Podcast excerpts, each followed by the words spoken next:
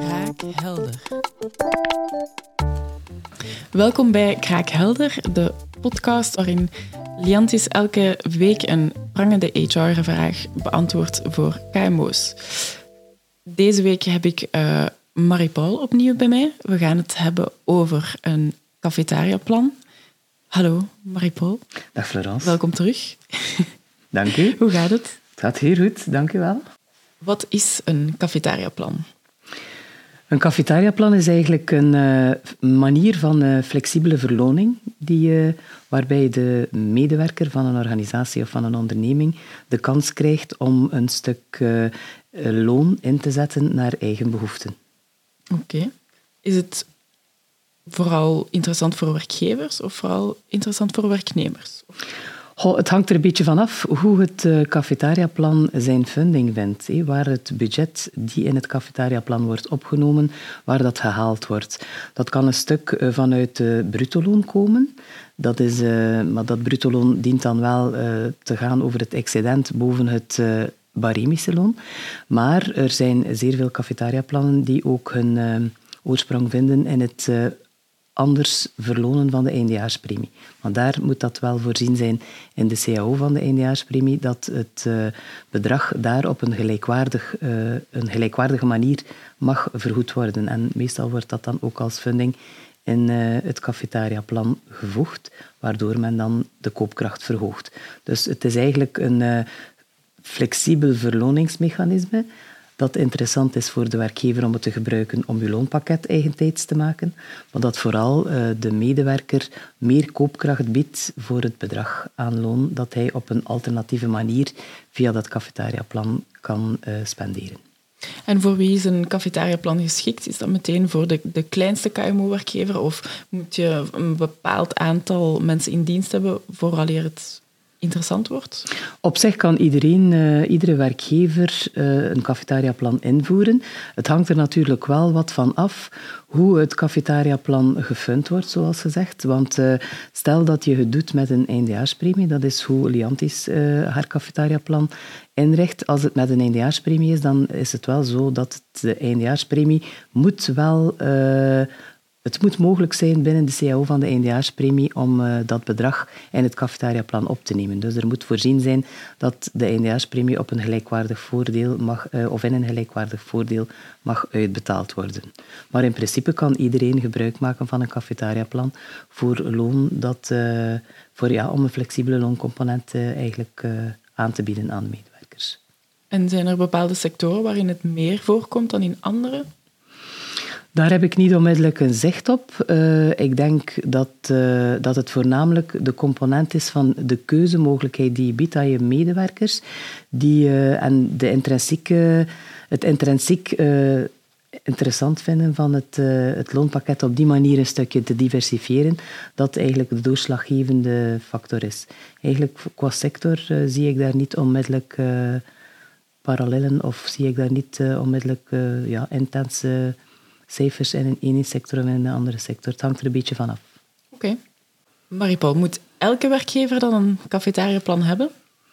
Goh, moeten is een zeer zwaar woord, uh, Florence. Ik denk uh, dat iedere werkgever voor zichzelf moet uitmaken of hij uh, het loonpakket dat hij aanbiedt aan zijn medewerkers, of dat hij dat eigentijds wil maken of niet. En een cafetariaplan is geen doel op zich, maar kan daar een zeer handig middel voor zijn, omdat daar ook meestal opties in worden weerhouden, uh, waarbij uh, bijvoorbeeld een e-bike over 36 maanden wordt geleased via drie keer de eindejaarspremie, kan ook een trigger zijn om uw mensen langer aan de onderneming te binden.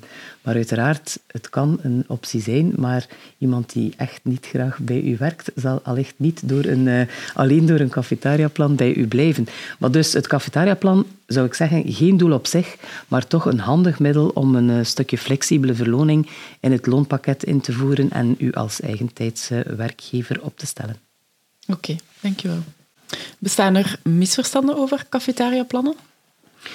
Nu, cafetariaplannen, zoals gezegd, zijn eigenlijk een eh, manier van uh, flexibele verloning van een stuk bruto-loon die je flexibel gaat omzetten of waar de medewerker keuzes kan maken voor uh, extra legale componenten in plaats van het cashverhaal. Ehm, wij, zien, ehm, wij zien inderdaad de meeste cafetariaplannen dat die geruild worden met een eindejaarspremie die daartoe mag ingezet worden. Maar het, de, grootste... Ehm, misverstand rond cafetariaplannen, dat is dat er met om het even welke verloning kan geruild worden. Dat is toch wel een gevaarlijke op dat vlak. En daar wil ik toch ook wel uh, de ondernemers op attent maken dat het uh, minimumloon die geldt in de sector nooit uh, zal kunnen omgezet worden in een cafetariaplan. Dus cafetariaplannen kunnen hun funding vinden, onder meer in de eindejaarspremie die uh, tot dat doel mag omgezet worden in iets gelijkwaardig.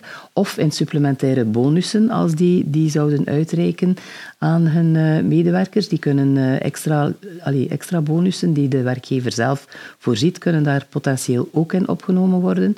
Maar het is toch, het is toch wel wat bezinnen hier te beginnen wat betreft het gewone reguliere loon. Iedereen dient wel zijn minimumloon voor de functie die hij uitvoert in het paritair comité waaronder hij resorteert te respecteren. Dus uh, het is niet zo dat je zomaar alles in een cafetariaplan als funding kunt opnemen. Nee. Oké. Okay. Maripaul, stel ik ben werknemer bij jou, jij bent mijn werkgever.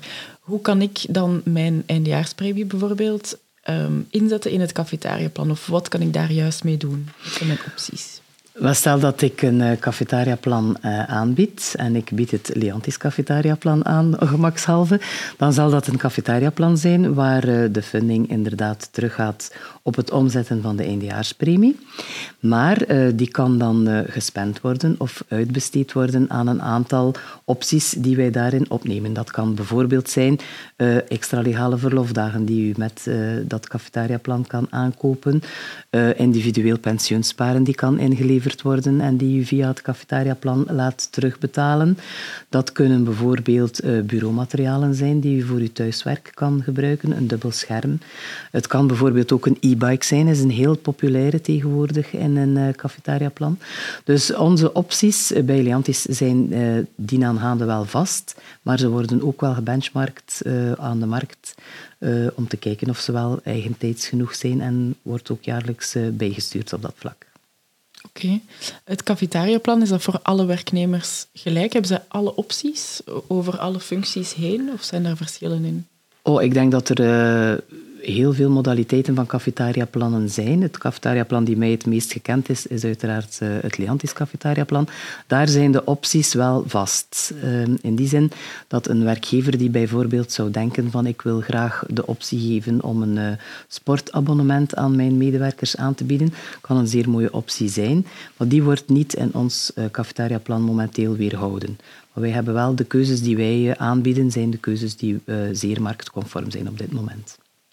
Uh, wat misschien ook wel een belangrijke is, uh, Florence, dat is dat uh, als de eindejaarspremie wordt opgenomen in het cafetariaplan als spending voor de opties die extra legaal zouden kunnen gekozen worden, zal de optie die altijd ook eh, in het cafetariaplan zal opgenomen worden, de cash-optie zijn. Dus er zijn misschien wel medewerkers die andere behoeften hebben op een bepaald eh, moment. Dus het is niet omdat u als werkgever een cafetariaplan invoert. U geeft daarbij de kans aan uw medewerkers om alternatieve keuzes te maken. Maar de, keuzes, de keuze om nog altijd voor het cash-verhaal te gaan, zal uiteraard wel de keuze zijn die altijd zal blijven. Ja, oké niet onbelangrijk. Um, bedankt Marie-Paul. Ik denk dat we rond zijn. Um, we zijn weer heel wat wijzer um, voor alles wat het cafetariaplan betreft.